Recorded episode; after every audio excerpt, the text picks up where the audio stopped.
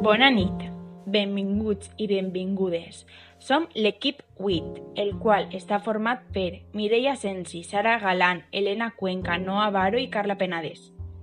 Avui comencem un nou projecte pertanyent a l'assignatura Hacklec. En aquesta pràctica durem a terme un podcast educatiu sobre el bloc 2 del temari, la llengua oral. El meu nom és Carla Penedès i a continuació vos presentaré el primer episodi del nostre podcast, Teories de l'adquisició del llenguatge.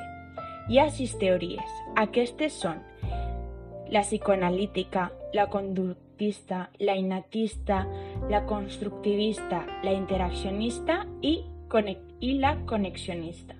En primer lloc, la teoria psicoanalítica va destacar al segle XIX amb el psicoanàlisis de Freud.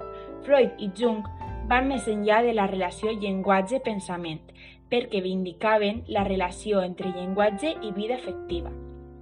Bowley deia que les conductes entre el xiquet i la mare marquen la formació del vincle afectiu. Quant a la teoria conductista, aquesta diu que la llengua s'aprèn per associació com a reacció d'estímul-resposta, per repetició o per imitació. Autors com Watson, Skinner o Bandura són els que van dur a terme aquesta teoria. La teoria innatista ressalta el l'ús creatiu del parlant. Noam Chomsky va suposar una revolució perquè va plantejar una alternativa a la teoria conductista. Chomsky afirmava que la capacitat de parlar és innata per a dominar-la.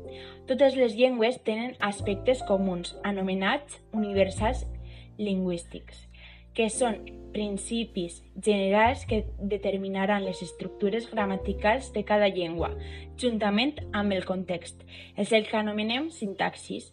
És un procés determinat per l'herència, l'ad language acquisition device, més l'entorn. A continuació parlarà la meva companya Mireia explicant les altres tres teories.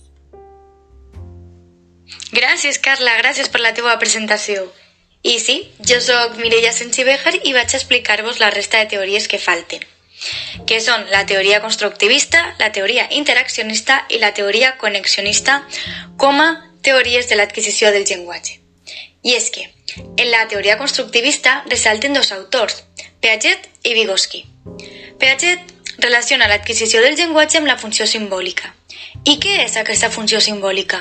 Doncs la capacitat dels éssers humans per representar mentalment la realitat. Una realitat que la representem gràcies als jocs, als dibuixos, a la llengua i, segons Piaget, gràcies sobretot amb l'interacció amb els objectes, ja que amb aquesta interacció es desenvolupa el llenguatge, és a dir, el construïm, i el construïm abans de l'adquisició del llenguatge. Per altra banda, Vygotsky va complementar aquesta teoria amb una perspectiva diferent, i és que a partir del 1973, quan a Europa van arribar les traduccions dels seus llibres, el pensament de Vygotsky s'hi va implantar, perquè ell diu que el llenguatge es desenvolupa gràcies a la interacció social, gràcies a una zona de desenvolupament proximal ja que en aquesta zona que Vygotsky nombra és on s'origina el llenguatge de l'infant, un llenguatge ple de gestos i barbotejos, ja que no sap comunicar-se encara i es dona abans de l'adquisició del llenguatge.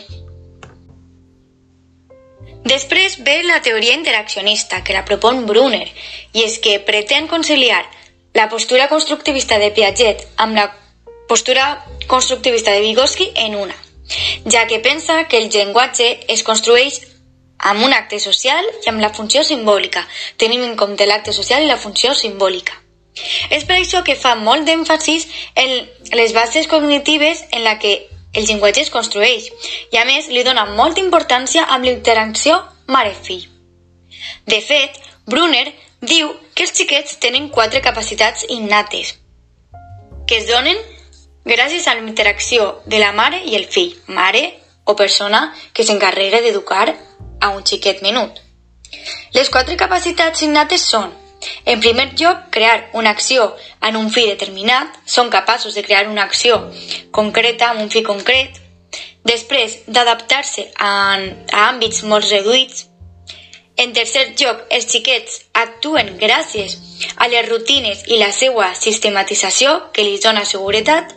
I en quart i últim lloc, tenen una gran capacitat d'afrontar-se a situacions i contextos abstractes. I per últim, està la teoria connexionista, que s'encarrega d'estudiar les relacions entre les connexions neuronals i la producció del llenguatge. És la teoria més pròxima a la nostra data i, per tant, la més moderna. I fins així, fins així el primer episodi de la llengua oral i l'episodi d'avui. Esperem que vos hagi resultat interessant el que vos ha contat la meva companya Carla Penedès i jo, i que hagueu pogut ampliar els vostres coneixements sobre la llengua oral. Això està començant només.